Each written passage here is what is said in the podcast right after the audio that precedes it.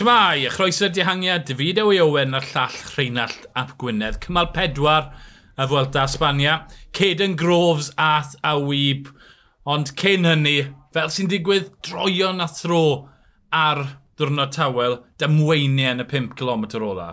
Wel, o ystyried prinder trenau gwibio uh, profiadol, dos ryfedd falle, ti byth yn cael pleser o weld e, ond oedd e ddim yn syni fi o gwbl. Vandenberg, ti'n bod, yn y tro ola, ie, yeah, falle oedd y barier yn y man anghywir, ond fi'n credu ath e rhy dwym mewn i'r gornel. Yn y diwedd, o'n i yn meddwl falle y bydde Molano uh, wedi ennill y dydd, ond falle ath e ychydig yn rhy gynnar Caden Groves yn dod allan o'i sgilwynt ac yn ennill. Y ffefryn mawr. Ie, yeah. oedd e'n berfformiad eiddfed iawn gan Groves. O styried twyd yn y giro, oedd e methu dod yn y safle cywir, ond twyd 400 metr i fynd oedd Gornel, oedd y ddamwen, a wedodd Groves ath Milano o fyna, 300 a hanner o fetre. Twyd, mae Caden Groves yn dod o trac, felly twyd, mae e yn bwerus, mae e'n grif. I allu twyd, sylweddoli ar yr eiliad na, mae angen i fydd dilyn Milano. Mae Milano gyda'r bwlch, ond i beidio roi cant y cant. Oedd e'n berfformiad ni'n gweld eto, oedd yn eistedd lawr, cadw chydig bach o gic tan fy 100 metr ola i dod amgylch at Molano.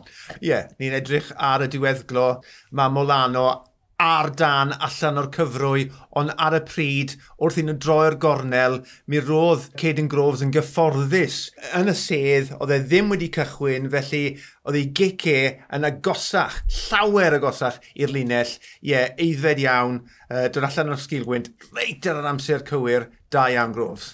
Okay, Mae'n hawdd iawn darllen gormo mewn i un perfformiad a twyd, un perfformiad ymysg damweiniau, ond twyd, Caden Groves gyda'r enw cyn dod mewn, a mae gyda'r pwer, a twyd, mae ma reidwyr da, mae reidwyr ffit yn reidwyr lwcus, doedd yn y lle cywir. Ddim rhy bell man, ddim rhy bell nôl. Mae'n disgo fel ta fe'r cryfa, y cyfle yma, a byddwn ni ddim yn syndo gweld e'n neud Jasper Phillips e yn ennill 4-5. A hefyd, fel nath ei weid yn ei gyfweliad, mae'r tîm yna, gant y cant, tu ôl iddo fe, ti'n edrych ar UAE, mae yna feicwyr dosbarthiad cyffredinol, felly gall y tîm ddim fod gant y cant tu ôl i Milano, ond maen nhw yna.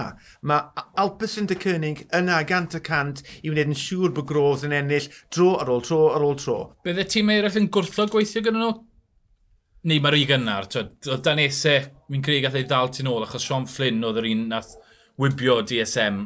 Rhi gynnar i, i tîmau gwrtho gweithio gyda nhw dwi'n credu ni, achos mae yna ma, na, na sawl gwyb arall i'w hennill, gwybiau mewn Grand Tour. Mae hwnna yn bwysig iawn. Oedd y cydweithio rhwng nhw a DSM, nath ei weithio. Mm -hmm. Ond mae rhaid i'r gwybwyr weithio'n galetach yn y diweddglo. Na allai ddim gweld y, y tîmau yn, yn atal y, y, y gwaith, mae'n belled. Ond wedyn ni, o, o ystyried dim ond DSM ac Alpecin oedd yn gweithio, bo, ble oedd y tîmau eraill? Bo, wnaethon nhw fanteisio ar gwaith y, y, y ddau yna. Felly, ie, yeah, oedd hwnna yn sefyllfa diddorol. Fi jyst yn gobeithio bydd DSM o leia yn cadw mlaen i, i weithio gyda Alpecin dy Cynnig. Uh, newyddio mowr o ran y damweiniau oedd, oedd Brian Coca lawr, Ath Van den Berch lawr, dau oedd yn gallu cystadlu, ond Trago, ni'n credu yw'r unig un o'r ffefrynnau sydd wedi cael damwen. Ie, yeah, mae'n drist iawn i Bahrein, ond o styried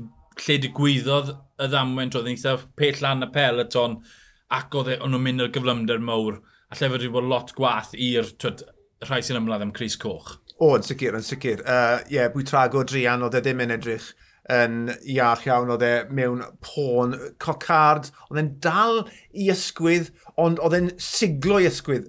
Felly, o bosib diwedd ddim wedi torri uh, y pont achos bydd e'n hyfryd gweld e yn mynd benben gyda'r gwybr eraill achos mae ma cred gyda fi mewn Brian Cocard. Yn enwedig ar y ddwrnodau sy'n mynd lan rhyw, mae digon o reini ar gael ffefrynnau eraill, twed, Oedd, ni'n disgwyl rhoi restr, oedd Mas, Remco, Fingago, boys UAE, Roglic, gyd yn saff yn y grŵp. to falle bod cwpl eiliadau rhwng nhw, ond fi'n name oherwydd y ddamwen ar y gornel ola, bydd pawb cael yr un amser. Geraint Thomas, beth oedd yn arwydd o cael gyda 10 km i fynd, mi ddath unios i'r blaen a fe oedd yn yr olwyn, nid Arons man, felly twyd, oedd y tîm yn... Mae'r tîm dal i ddangos i fe, trwy ni'n credu na ti, deud i'n iawn yn y trydydd wythnos. Dyn nhw heb roi lan yna fe to? Wel, mae Geraint yn dieddol o syrthio, felly y lle gorau iddo fe fod yw'r blaen. Be fe yn cymryd pawb lawr, dy fe. Ie, yeah, digon teg, trwy, mae rhaid y cadw yn saff, ond fi'n credu bod hwnna'n dangos ffydd hefyd. Ond, ie, yeah, mae dal pethefnos a mwy i fynd o'r Giro d'Italia. Nawr, os chi'n edrych ar cymal fori, byddech chi ffindo fe'n galed iawn gweld gwahaniaethu rhwng cymal fori a cymal heddi yma. Bron o fod unio'r un cwrs.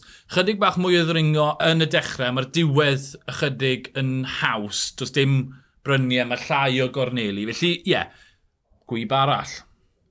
Gant y cant, gwyb arall. Caden Groves gant y cant? Caden Groves gant y cant. Wel, Caden Groves sy'n mynd i enll fori, Caden Groves yn llodd heddi wylwn i chi fori i drafod buddigoliaeth Caden Groves. Mae fideo i Owen a'r llall Rhain Rheinald Llap Gwynedd, ni yw'r dihangiad hwyl.